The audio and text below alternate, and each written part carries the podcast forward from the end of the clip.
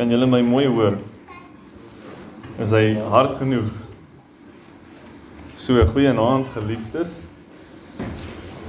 Ek is so opgewonde oor hierdie hierdie onderwerp. So, ek wil net wat pastoor gesê het gou hersien.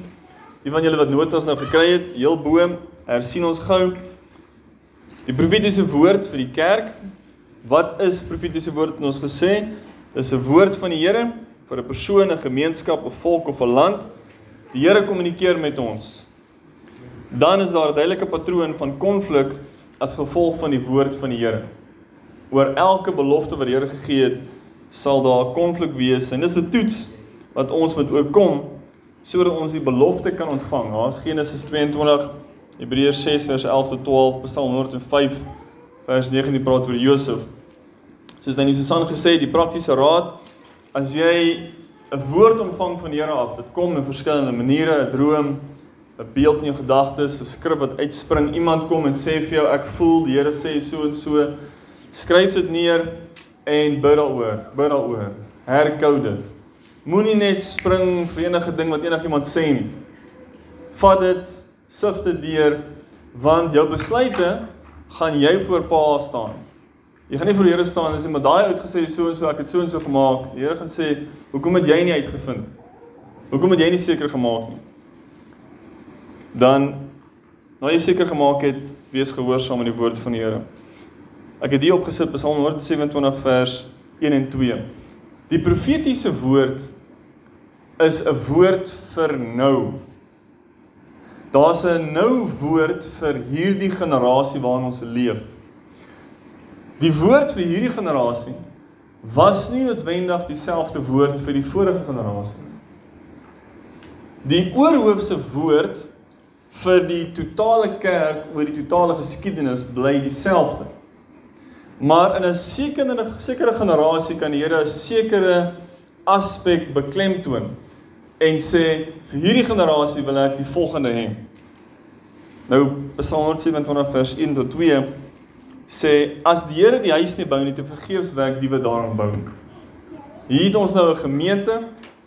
Dit wat ons as 'n gemeente ons aandag en ons energie insit, as dit nie is in lyn met die woord van die Here nie, wat gebeur? Dis baie werk, dis baie moeite, dis baie mense, dis baie opwinding en dan kom dit tot niks. Daar's niks vrug daar nie. Hoe weet ons dit? 1 Korintiërs 3, die Here sê hy gaan 'n toets met vuur. Hy gaan dit wat ons bou toets sodat of dit 'n gelouter kan word en ons kry 'n beloning of daar gaan teleurstelling wees. So dit maak wat ons doen verskriklik belangrik. Heel eerstens, so wat ook al ons gaan doen, die sonnaarskool, die bidure, die uitreike, die deernaggebed, die aksies, die alles moet kom en vloei uit die woord wat die Here gegee het. Haggai 2 vers 9. Die visioen van die wolk, die sneeu. Soos daar gebid word, kom daar lig. Soos daar gebid word en die gebed groei in intensiteit, so sal die Here die heerlikheid bring in intensiteit. So dit was ons hersiening.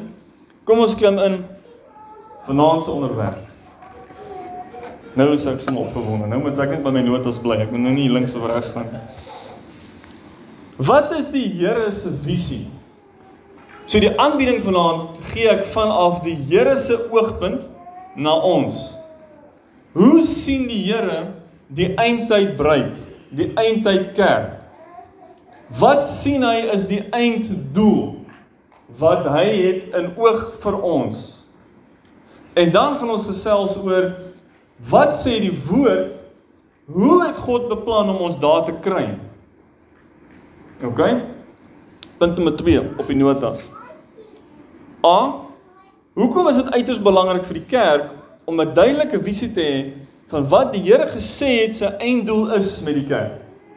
As ons nie 'n duidelike visie het nie, wat dan gebeur is ons hou van hierdie aksie. Ja, is 'n nuwe boek uit met 'n nuwe hoe om 'n kerk te bou en hier's 'n nuwe manier, hier's 'n nuwe aksie hier met die jong mense. Ag, jy weet, sendingwerk is belangrik. So hier begin ons sommer met 'n sending ding en jy weet dit is belangrik met praise and worship. So ons begin maar praise and worship ding en Ons doen wat ook al goed voel en goed lyk. En nie wat die Here gesê het nie. Nie wat die visie is wat die Here het met die kerk nie. Spreuke 29 vers 18 sê as daar geen openbaring is nie, word die volke bandeloos. Wat beteken dit? Dit beteken as ons nie kan sien wat die Here sien vir nou nie, dan doen ons wat ons goed dink. As jy 'n visie het om 'n goue medalje te kry, dan stel jy vir jouself doelwitte. Jy sit dissipline aan die dag en jy bou na daai rigting toe. Dan is jy nie bandeloos nie, dan het jy inperking en jy werk tot 'n doel. Wat is ons doel as gelowiges? Om soos Christus te word. Omdat ons daai visie het om soos Christus te word, stel ek grense vir myself. En ek sê nee, alles sê Paulus is vir my geoorloof. So ek kan enigiets doen. Maar nie alles is nuttig nie, sê Paulus. Nie alles bou na hierdie visie toe nie. As jy nou ooit in besigheid was of besigheid is, ek het hierdie ding gelees waar hulle sê entrepreneurs se grootste probleem wanneer hulle suksesvol raak is om gefokus te bly. Want nou het jy geld, nou het jy al sukses, jy het al 'n bietjie ervaring. Nou kan jy so maklik vir elke volgende idee wat jy dink gaan goed wees, geld en energie en tyd insit om dit 'n sukses te maak. En fokus is jou nommer 1 probleem. Dis wat Spreuke 29 vers 18 sê, die kerk het fokus nodig. As daar geen openbaring is nie, raak ons lui, ons raak lou, ons My besigheid raak meer belangrik as die wil van die Here, my familie, my gemak. Ander al hierdie dinge kompeteer met die visie van die Here. Ek het die King James daar gesit want die King James is my so mooi.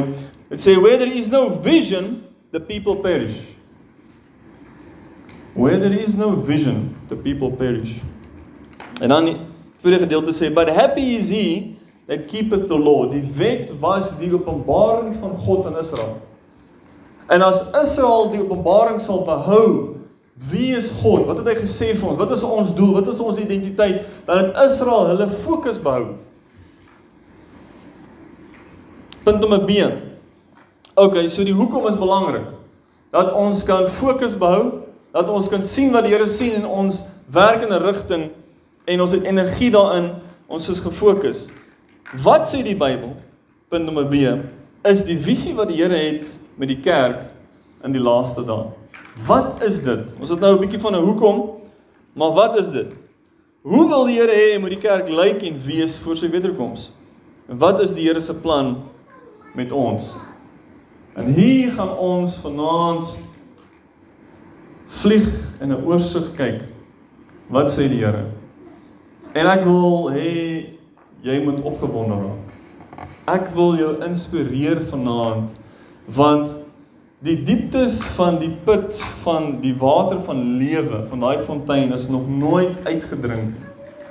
Die volheid van wat God vir ons beplan het, het nog geen mens bereik nie. So al hierdie dinge lê oop vir ons as ons ons hande sou so vat en kyk en ons sou sê die Here sê as jy jou hande so oop maak, dis in jou mag. Dis in jou bereik. Maar hoeveel wil jy? Hoe honger is jy? Hoe graag wil jy dit sien? Hoe graag wil jy dit beleef? Openbaring 19 vers 7. Soos heel eerste skrif. Laat ons bly wees en ons verheug en aan hom die heerlikheid gee want die bruilof van die lam het gekom. Dis die groot die grootste troue van alle troues in die eeue van al die eeue met die koning van alle konings wat kom en trou met 'n bruid wat gereed gemaak is. Dit sê daar. Sy vrou het haar gereed gemaak. Dis die einde van die storie. Die klimaks van Openbaring is die bruid wat gereed is. Dis ons wat gereed gemaak is vir Jesus die bruidegom koning. Wow. Ek is bly julle is opgewonde saam met my. 2 Korintiërs 11 vers 2. Hierdie was Paulus se visie. Hy sê, "Want ek is jaloers oor julle met 'n goddelike jaloesheid, want ek het julle aan een man verbind om julle as 'n reine maagd aan Christus voor te stel.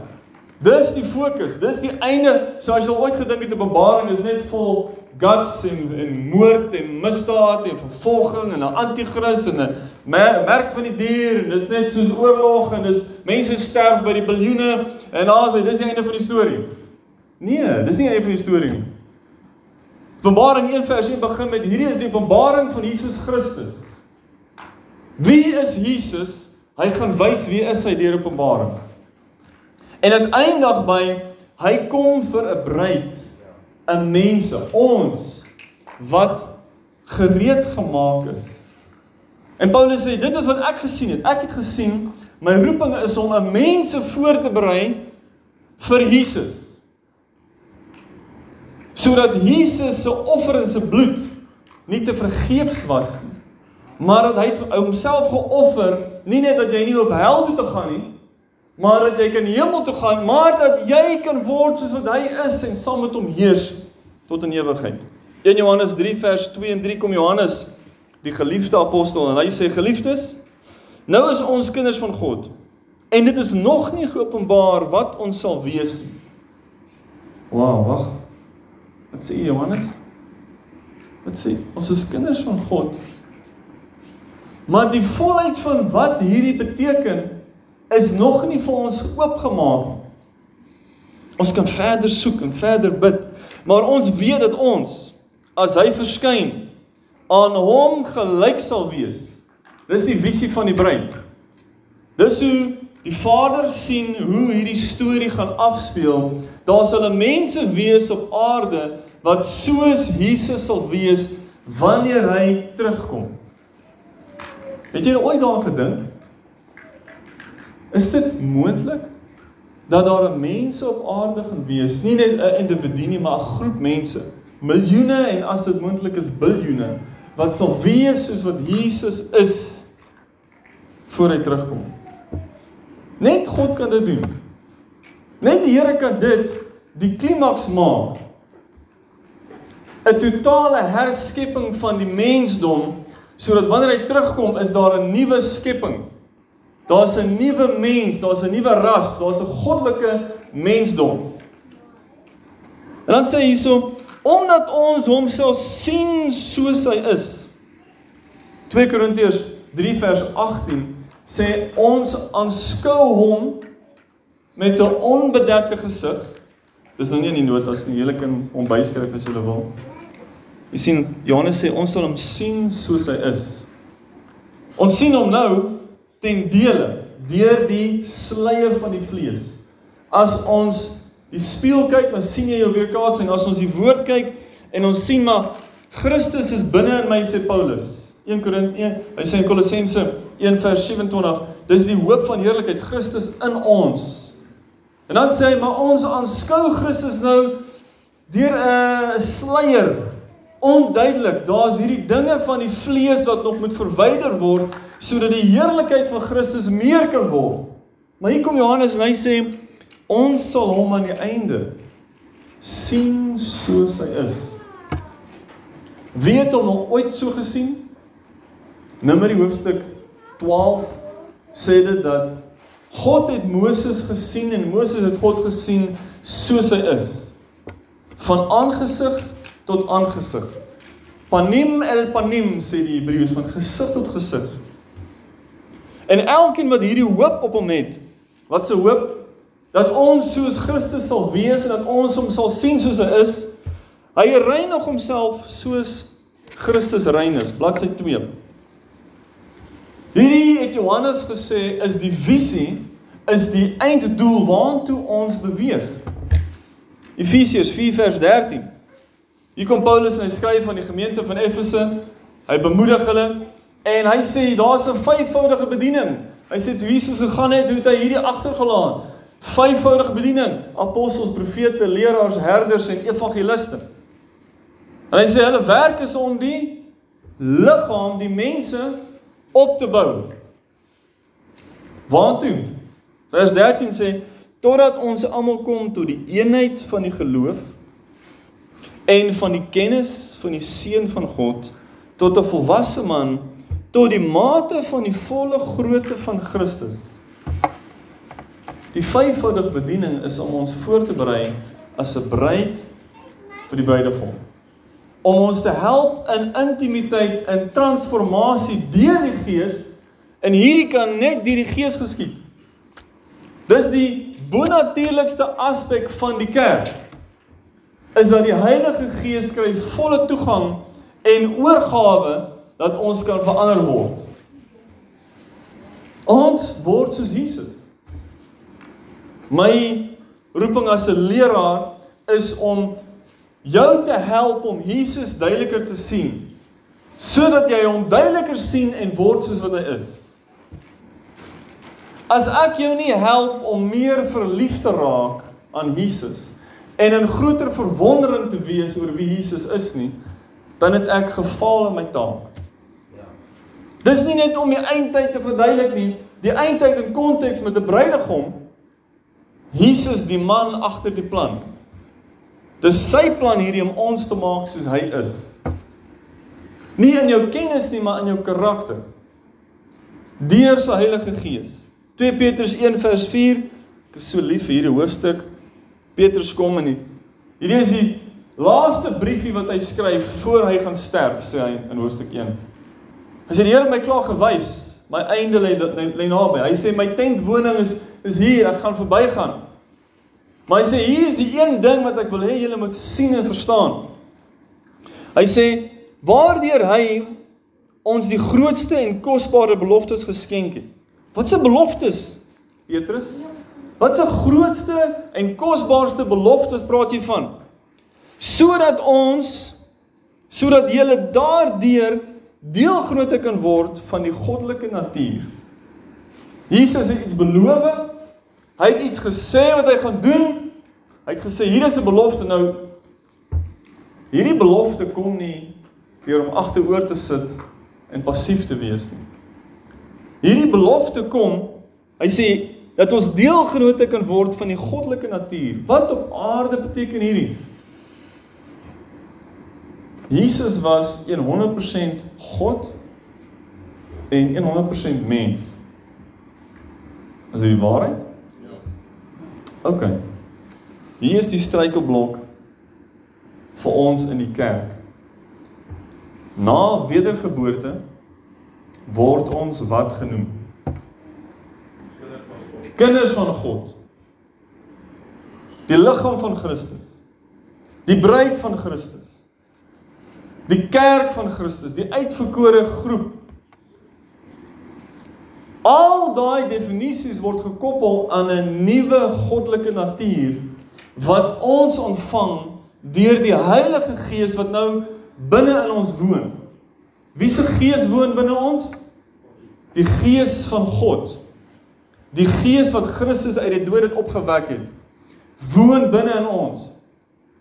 Nou kom Petrus en hy sê Hierdie is die belofte wat hy gegee het dat ons sal word soos wat hy is. Carrie Blake, hy is nou die die president van Carrie van van John G Lake Ministries. Was gevra, "Wat is die essensie van Christendom? Wat is soos die middelpunt? Wat is soos die hart?" To say, "It is to become who you are." Dit nee, jy maak nie sin nie. Jy is al klaar deur wedergeboorte 'n kind van God. Jy het die goddelike natuur in 'n saadvorm binne in jou ontvang. Nou moet daai goddelike natuur ten volle groei en die hele mens wees oorneem. Al die inligting is binne die saad, maar jy sien nog nie die boom nie, jy sien nog nie die vrug nie, jy sien nog nie die volle siklus nie. Die saad moet nou groei en 'n volle siklus deurgaan. Wat ons ontvang het wat Jesus gedoen het vir ons moet nou ten volle ons menswese verander. OK, Andrew, dit klink nou wonderlik. Dit klink soos 'n fairy tale. Dit klink soos iets wat nie op aarde ooit gaan gebeur nie. Want so iets het nog nooit voorheen gebeur nie of of dit? Kom ons kyk na punt C.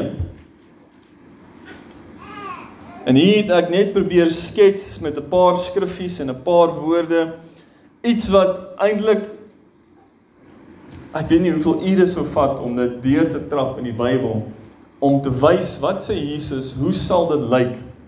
Wat sê Paulus en die apostels en die profete?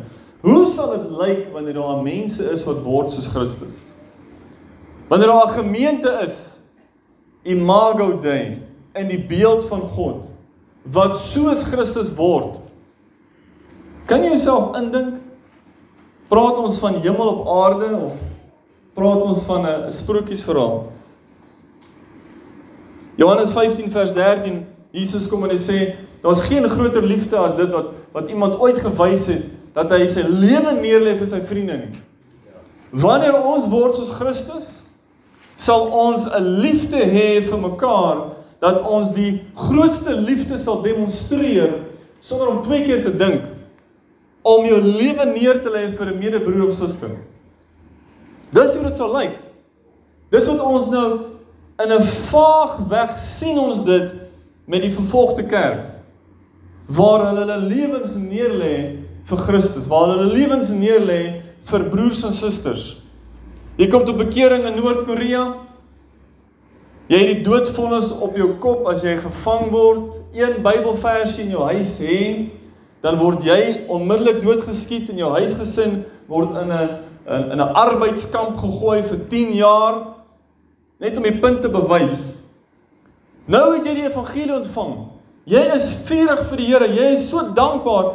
Jy ontsnap onwettig na die noorde toe, na China toe om daar Bybels te kry en jy bring die Bybels terug in Noord-Korea in wetende as jy gevang word maak hulle jou dood net daarso en hulle brand al die Bybels.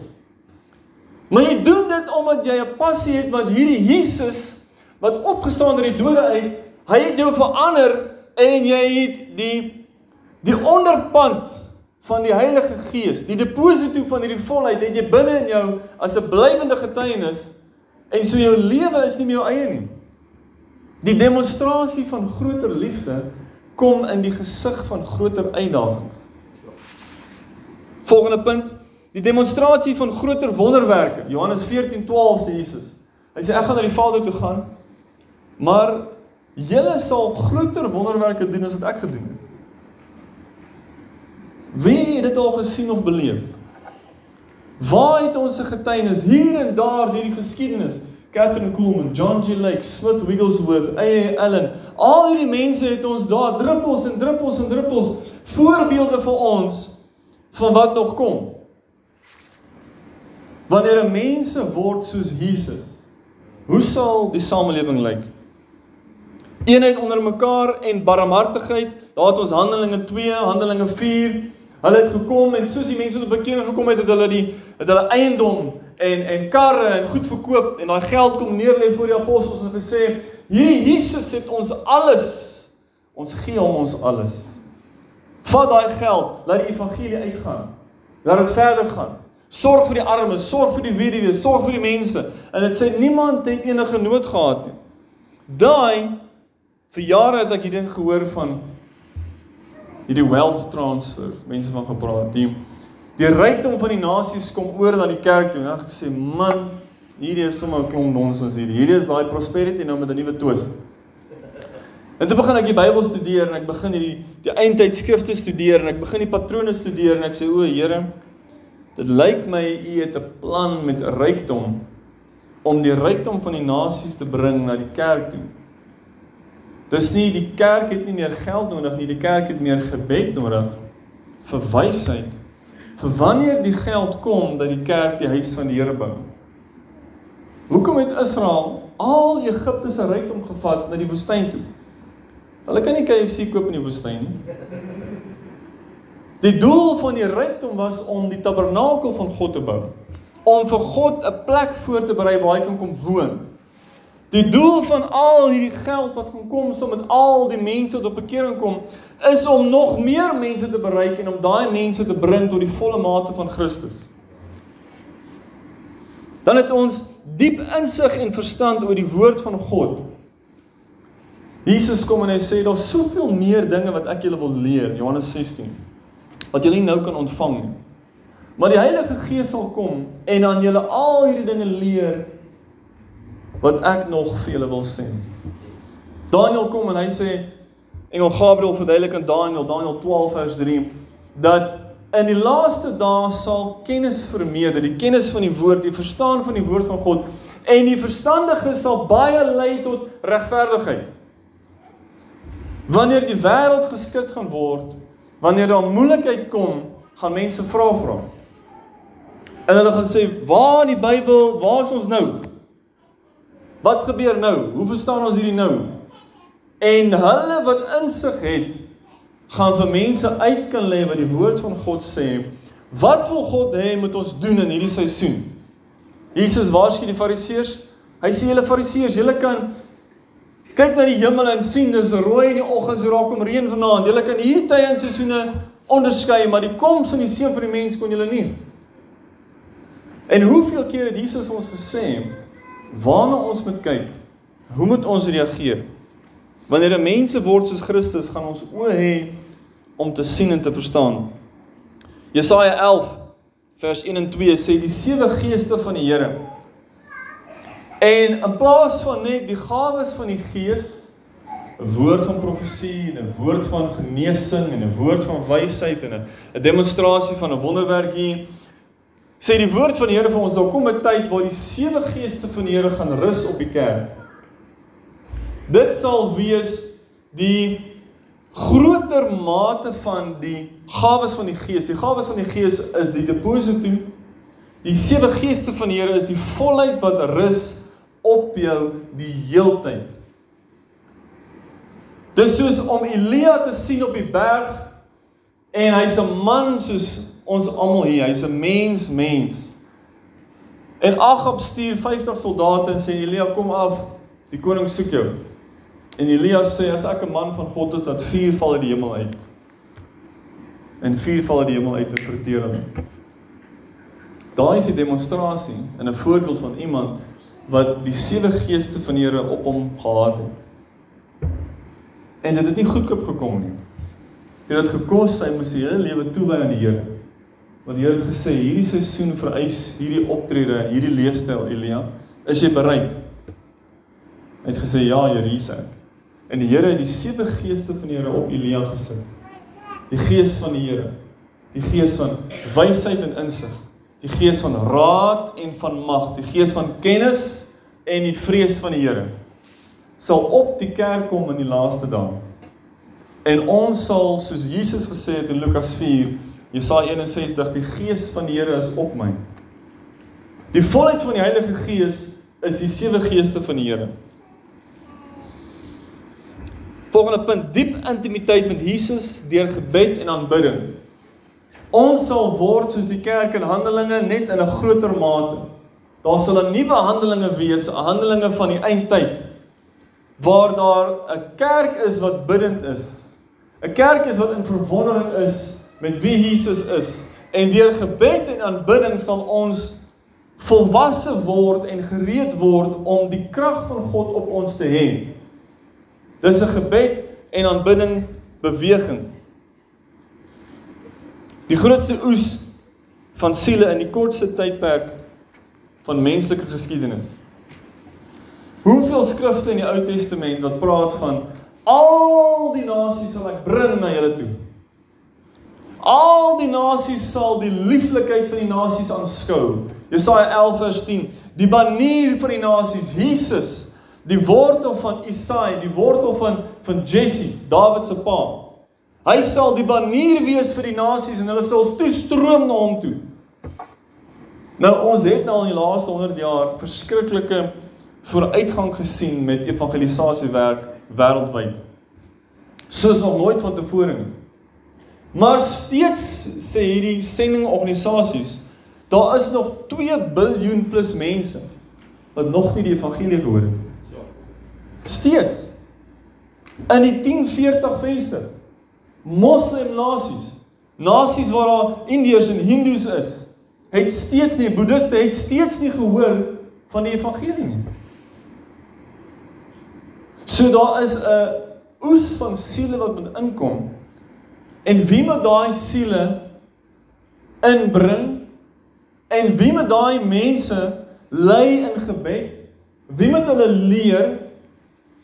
Ons. Jesus sê Johannes 4 die oes is ryp. Maar die arbeiders is min. Bid dan die Here van die oes om arbeiders te stuur. Ons is daai arbeiders. Tweede laaste punt. Die samewerking met die hemele. Ons sien dit in Handelinge so duidelik. Handelinge 10 vers 3 'n engel word gestuur na Kornelius toe. Hier's 'n ou wat 'n heiden is, nog nie wedergebore nie. Maar hy bid en hy vas en hy bid tot die God van Abraham, Isak en Jakob. Hy gee offergawes, barmhartigheid aan die Jode. Hy soek die ware God. En die Here stuur 'n engel na hom toe om hom te sê, "Wat is die pad van die waarheid? Waar gaan jy dit kry? Met wie moet jy praat?" Daai is 'n demonstrasie van die samewerking tussen die koninkryk van die hemel wat op aarde is en die koninkryk van die hemele in die hemele. Die geestesrelm met die natuurlike relm. Dat soos ons bid, stuur die Here engele. Dan sien ons in Handelinge 12 Johannes, ag Jakobus word in die tronk gegooi. Hy word onthoof. Petrus is volgende in lyn. Hy is op uh jy kan sê death row soos hulle sê in Engels. En die gemeentes bid vir Petrus se vrylating. Deernag gebed, deernag gebed. Ons weet nie hoe lank hulle gebid het nie, maar die volgende oomblik verskyn daar 'n engel aan Petrus. Al die boeye val af en Petrus word gelei uit die tronk uit. Daai is die samewerking tussen die aarde en die hemele. Daai wat ons daar gesien het, is net 'n druppel in die emmer van wat kom. Hoekom? Want die omstandighede vereis dit. Nommer 1. Nommer 2 Openbaring 12 sê vir ons die duiwel en sy engele word uit die hemele uitgewerp op aarde. As die demone in die hemelruim met engele veg, Daniël hoofstuk 10, Daniël hoofstuk 11, Gabriël veg teen ander bose magte. En die geveg is dat hy kan deurkom en vir Daniël 'n boodskap gee. Hy het vir 20 dae lank geveg. Hy moes Michael kry om hom te help om deur te breek. As daai magte nie meer daar is nie, dan sê ons daar's 'n oop hemel. Wanneer jy bid, sal daar antwoord wees. Wanneer jy roep, sal daar redding wees. Daar's nie weerstand in die hemel nie. Die laaste punt. Die volheid van die vrug van die Heilige Gees. Die volheid van liefde. Die volheid van hierdie vrugte wat ons so streef om in Jesus te bly dat ons nie vleeslik raak nie. Die Here sal ons die genade gee om in die moeilikste tye oor te loop van liefde. Dis waantoe die kerk op pad is. Dis die Here se plan met die kerk. Wanneer ons meer tyd het volgende jaar, wil ons hierdie stappie vir stappie deurtrap en skrif daarin sit en konteks daarin sit en boeke daarin sit dat alles wat ek sê wil ek graag hê jy moet toets gaan na die Bybel toe en sê Henry nee nee hierdie versie hierso sê dis nie so nie. Nee regtig, ek wil hê ons moet daai oop gesindheid hê. Dat ons kan toets en beproef en sê wat sê die woord. Nou is die vraag as dit die visie van God is. Dis die Here se visie met ons waantoe ons op pad is. Hoe gaan hy dit doen? Hoe gaan hy ons daar kry waar hy ons wil hê van die begin af. Gaan dit maanskyn en rose wees? Gaan dit sommer net so lekker Bybelskool wees en ons ons daar? Een of twee lekker gebedsessies en 'n 40 dae vas en ons ons daar? Nee nee, nee broers en susters. Die Here het vir ons gesê hoe hy dit gaan doen. 3.a Die Here gaan unieke omstandighede skep waardeur hy ons volle aandag gaan kry sonder om ons vrye wil weg te neem. Dis die geheim hierson. Die Here soek jou aandag, hy soek my aandag. Hy is jaloers oor ons. Maar ons gee nie ons aandag ten volle aan die Here totdat die Here omstandighede skep. Moeilikheid toelaat. Dan spring ons. Die Here is jaloers oor ons en hy het 'n baie duur prys betaal vir ons. Hy het ons verlos om een te word met hom en saam met hom te heers tot in ewigheid. My punt hier is die Here gaan toelaat dat dinge gaan gebeur wat as jy nie vooraf gesê was nie en hierdie goed gebeur, gaan jy verskriklik aanstoot neem in die Here. Want die Here sal sekere boosheid toelaat op aarde om die mensdom se aandag te kry. Dis die patroon in die Bybel. Oor en oor en oor, dis die patroon. Punt B, kom ons kyk na dit. Daar is 'n krisis op pad wat nog nooit voorheen gesien of van gehoor is nie. 2019 Hulle sê 2019 September Oktober het COVID uitgebreek in China. Teen 2019 Desember toe hoor ons daarvan op die nuus 2020 Februarie toe hoor ons bespiegelinge hulle gaan die grense toemaak. Hulle gaan so en so. Ag, ons sê man, daai het gebeur net in die movies in Hollywood. Daai het gebeur net in Suid-Afrika.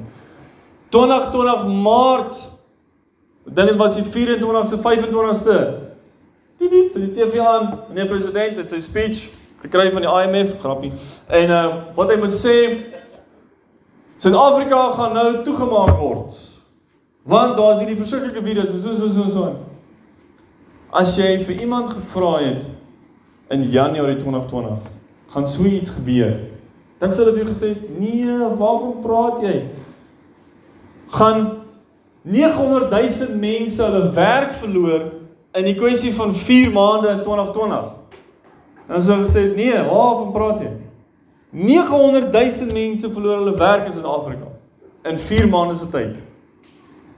Nou kom Joël in Joël hoofstuk 1 vers 2. Hy sê hoor dit o oudstes en luister al alle inwoners van die land het so iets ooit in julle dae of in die dae van julle vaders plaasgevind. As ons gedink het COVID was erg Dit was net soos hulle sê in Engels 'n speed bump. Dit was 'n Braxton Hicks teenoor ware kontraksies.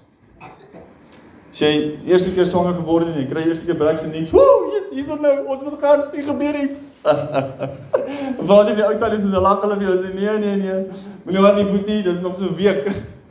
Jy gaan daai kry elke dag aan af aan af en dan dan gebeur dit goed eerste. Nou as COVID so erg was julle en al die goeie saam met dit dan is dit nog niks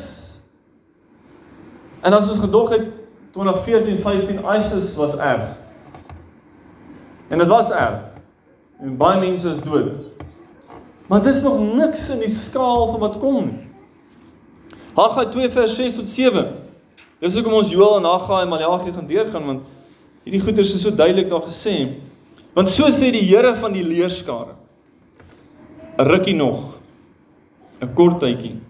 Dan sal ek die hemele en die aarde en die see en die droë grond laat bewe. Alles skud sê die Here.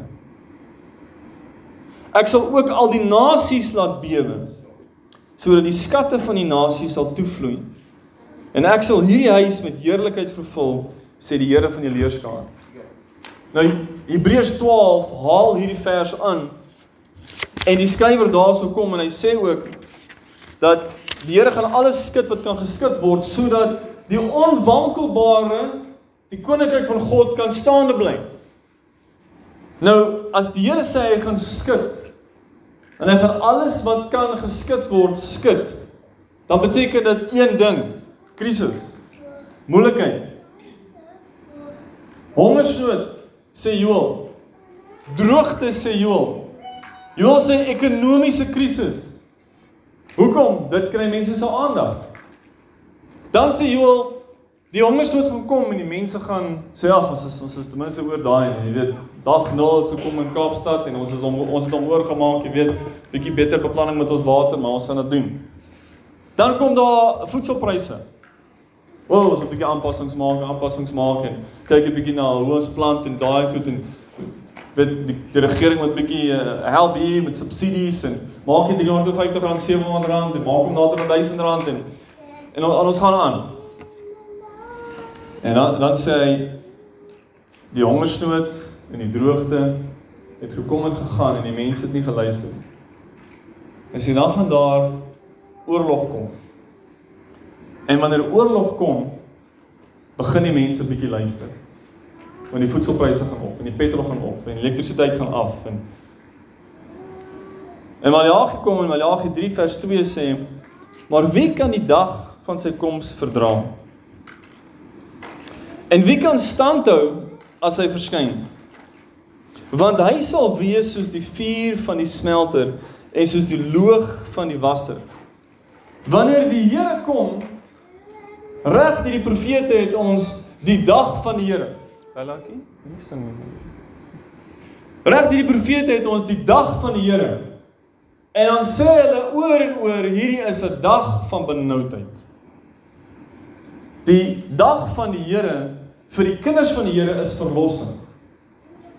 Die dag van die Here vir die vyande van die Here is totale verwoesting.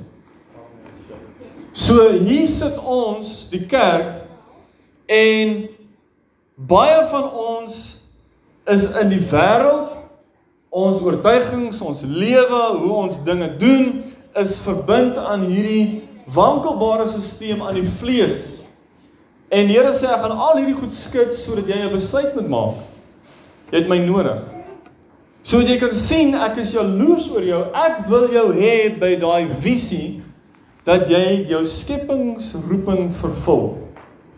Een word met my, want my plan is baie beter as wat jy ooit gedink het.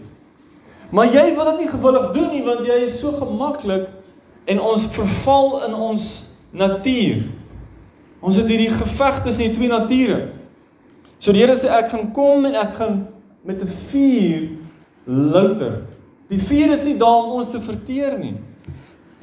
Die doel van die skudding en die oorlog en die krisis is nie om ons te vernietig nie. Dis om ons vinniger te kry om op die Here te staan. Dis om ons vinniger te kry om te glo in hom. Dis om ons te kry om meer te bid om te hoor wat hy sê en te sien wat hy sien. Punt C. So daar is 'n ekonomiese en 'n militêre krisis op pad. Soos wat die wêreld nog nooit gesien het of geken het nie. En die krisis se fokuspunt is Jerusalem. Dis Israel. Dis hierdie Israeli-Palestynse konflik gaan meer en meer beklemtoon word. En wat sal gebeur? Die geskiedenis sal homself herhaal. Wat ons gesien het in die Holocaust gaan weer gebeur op 'n baie baie groter skaal. In 6 jaar se tyd, 1939 tot 1945, is 50 miljoen mense dood. Nou as jy in 1939 iemand sou gesê het oor 6 jaar van nou gaan 50 miljoen mense dood wees, dan sou hulle vir jou gelag het. Niemand het dit voorspel nie. Niemand het gedink dit sou moontlik wees nie. Niemand het gedink Hitler sou regtig doen wat hy gesê het nie. Maar die Bybel sê vir ons dit wat ons daar gesien het was 'n druppel in die emmer. Dit was die kerk se grootste uur van flop ons het 'n mislukking gehad as die kerk. Een van die mees Christelikste lande, Duitsland, waar uit die reformatie gekom het, Martin Luther gekom het, hulle het 18000 pastore gehad. Ministers, Lutheran ministers. En toe Hitler in 1933 in bewind kom, toe gee 15000 hulle steun vir Hitler. Kan jy dit indink? Die ou wat die Bybel gebruik om mense se aandag te kry, mense se aansien te kry en dan op dieselfde tyd sê maak die Jode dood. En toe hy daai 3000 pastore wat nie saam met hom gestaan het nie, begin vervolg en dit word warmer, toe het 2300 teruggedraai en hom ondersteun en 700 uit die 18000 staan. En hulle sê vir die kerk Kerk Dit is ons uur van heerlikheid om vir Jesus te staan en om nie die Jode te verwerp nie. Maar as jy dit doen, is daar 'n prys. Jy en jou familie kan na die konsentrasiekampe toe gaan. En Dietrich Bonhoeffer, Corrie ten Boom en 'n hele paar mense werk in 'n ondergrondse netwerk om die kerk eerstens te waarsku om saam met die Jode te staan en om teen Hitler te staan. En wat gebeur? Die rede hoekom die kerk toegelaat het en saam met Hitler gegaan het, kom Dietrich Bonhoeffer en hy sê die kerk was lou. Die kerk was wêrelds en die kerk het 'n goedkoop genade boodskap verkondig. Die begeerte om Duitsland 'n Christen land te maak het gekom ten koste van die evangelie moet afgewater word. Preek Jesus sonder bekering. Maak 'n altaarkol, maar moenie vir die mense sê hulle moet alles gee nie. So dit wat ons daar gesien het julle was die die vrugbare grond vir die grootste daad van misdaad en moord teen Israel het gekom uit 'n kerk wat goedkoop boodskap gepreek het. Uit die kerk uit. Nou dink ek as ek die Bybel so lees, dink ek hoe op aarde gaan dit weer gebeur? Dat ons as Christene wat in Jesus glo en Israel ondersteun, ons bid vir God se beloftes om waar te word in Israel. Ons bid vir Romeine 11 dat almal van Israel tot bekering sal kom. Ons bid dat Jerusalem nie vernietig sal word nie, maar dat daar 'n Jerusalem sal wees waar mense is wat Jode is en glo in Jesus en wat sê geseënd is hy wat kom in die naam van die Here. Dit is Jesus se vereiste voor hy gaan terugkom. Ons bid hierdie dinge. Want ons lees die profete en ons sien dit gebeur en ons bid dit. Ah. Dis maklik om dit te sê in 'n kerk waar almal van julle vir Jesus is en vir sy koninkryk is.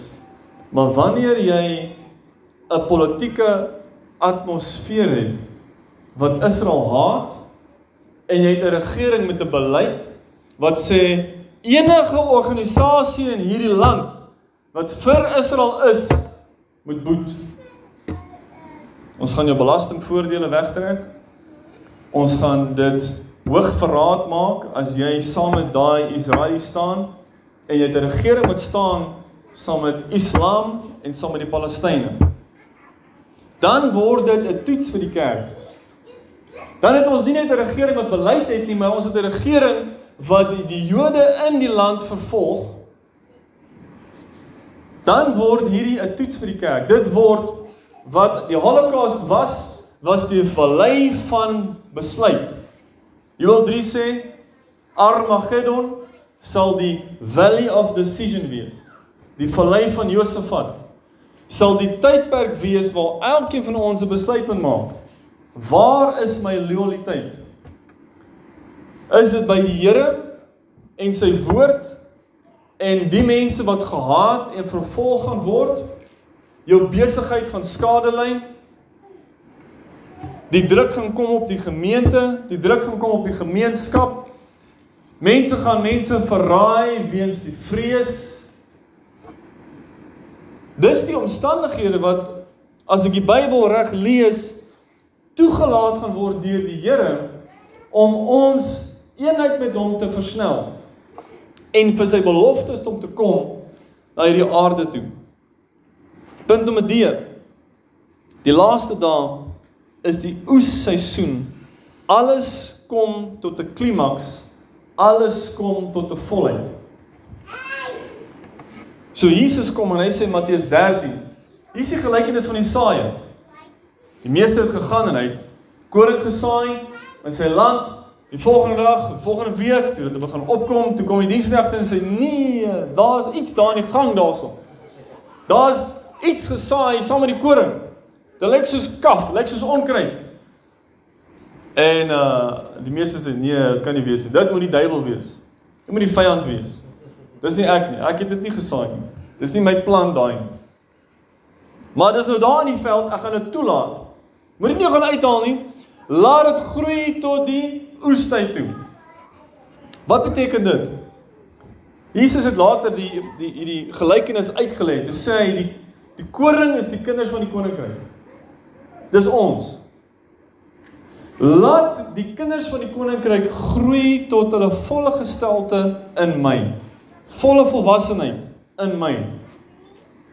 Maar laat die onkruid, die koning, die kinders van die koninkryk van duisternis, laat hulle ook groei tot die volheid van boosheid.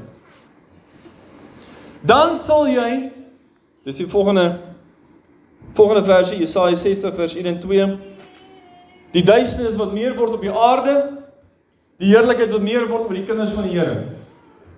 Maleagi 3 vers 18 dan sal jy duidelik sien die onderskeid tussen die goddelose en die regverdige. Wanneer hierdie proses tot 'n volheid kom, dan gaan ons nie meer wonder wie se kind van die Here en wie's nie. Dit sal duidelik wees, voor die hand liggend. Die boosheid in mense se oë, die boosheid in hulle lewens, die boosheid in hulle woorde, die openlike haat vir die evangelie, die openlike haat vir Israel. Ons sien nou bietjie bietjie van dit. Psalm 2 sê die nasies woed en die konings van die aarde bedink planne teen die Here en sy gesalfde.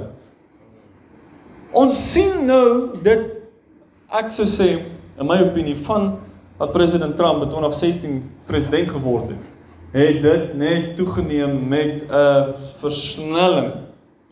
Hulle was almal nog so met Obama was dit nog so, ag, ons sal hom maar verdra, jy weet, nie ou en onder Bush was dit so en onder Clinton was dit so, maar toe Trump president word, het almal in die wêreld gekyk en dit was 'n opskudding en omdat hy gestaan het vir dinge duidelik en hy was politically incorrect het dit hierdie skeiding versnel en dit die mense se hart in hulle uit hulle hart uit baie meer duidelik gemaak. Mense wat vir die Here was, het harder begin druk in die Here in en mense wat teen die Here was, het duideliker teen hom begin draai. Nou dit gaan net toeneem. Dit sal toeneem en toeneem en toeneem en toeneem, maar dit sal toeneem met druk teen die evangelie en dit sal toeneem met baie baie baie meer mense wat op bekering gaan kom. Al twee kante tot 'n volheid. Daniël 12 vers 10. Dan kan ons 'n breek neem en gesels. Daniël 12 vers 10 sê baie sal gereinig en gesuiwer en gelouter word. Nou as jy Daniël 12 lees, dan is dit Daniël 10, 11 en 12, drie hoofstukke wat een visioen is of een besoek is van engel Gabriël na Daniël vir 21 dae gevas het. Hy hoor van die dinge wat gebeur in Jerusalem Hy is ontstel daardeur. Hy wil by die Here hoor wat aangaan en hy bid. Onthou nou, Daniël het geleef. Hy het agtergebly in Babylon wat nou oorgeneem is deur die Perse. En die mense het teruggegaan om Jerusalem te gaan herbou die tempel te herbou. Toe hoor hy wat aangaan daar. En hy is bekommerd daaroor. 536 jaar voor Christus en hy bid. En die duidelikste, langste openbaring oor die einde van dae word aan Daniel gegee. So as jy ooit wil wonder, waar moet jy begin lees? Lees Daniel 10 en 11 en 12. En lees dit oor en oor. Daniel 12 kom hy en hy sê vir Daniel, daar gaan 'n tyd kom dat Israel se mag ten volle gebreek gaan word. En dink jy, Goeie genigtig. Was dit nie 70 na Christus toe Titus hulle aangeval het nie? Nee nee, hy sê hulle sal terugkom. Hulle sal herstel word. Daar sal roem wees, daar sal heerlikheid wees. Hulle gaan 'n weermag hê. Maar hulle gaan vyande hê. En dan sal hulle mag gebreek word totaal en al. Hæ? Huh? En en hy kom en hy sê dit sal wees vir reiniging, vir suiwering, vir loutering, maar die goddelose sal goddeloos handel. En geen een van die goddelose mense sal verstaan nie. Die dinge wat gaan gebeur gaan as jy nie insig het in die woord van God nie, gaan jy struikel in wat gebeur. Jy gaan aanstoot neem teen die Here. Maar die verstandiges sal verstaan, sê Daniël. So die Here het 'n visie met die kerk waartoe hy ons wil vat. Hy het goeie planne vir ons. Maar hy waarsku ons vooraf wat gaan kom sodat ons kan eerstens voorberei in my hart. Ke Here, daar's moeilikheid wat kom, maar die moeilikheid gaan nie die heerlikheid oorskadu nie. Die heerlikheid is die babatjie wat gaan gebore word. Die moeilikheid is die kraampyn. Nou ek kan vir julle sê met met Lia se geboorte, ons het gebid en ons het ons het weer gekyk na wat gebeur in die geboorteproses. Ons het daaroor gebid en gebid en sê ons moet fokus bou, ons moet en wat toe gebeur het in die kraam het ons geweet hierdie dinge kom Ons moet dit nie weerstaan nie, ons moet nie daarmee veg nie. Ons moet in geloof bly en ons moet sê Here, dankie. Dankie Here. Ons bly kalm, ons bly kalm. En dit was nie die laaste 5 minute was ernstig geweest. Die hele uur, 2 ure, 3 ure was was was so wonderlik geweest. En ek dink die Here wil hê ons moet standvastig wees wanneer ons hierdie dinge sien gebeur op aarde dat ons meer moed sal hê, opgewonde sal wees, want die koninkryk van die hemele gaan die koninkryk van hierdie aarde word. Dis nie al die lekker goed gaan verby nie, die lekkerste goed gaan kom. So amen en amen. Kom ons gaan ons 'n 5 minute breek vat. So kom ons sê 10 oor 6. Dan is ons reg vir bespreking oor hierdie baie kontroversiële onderwerp.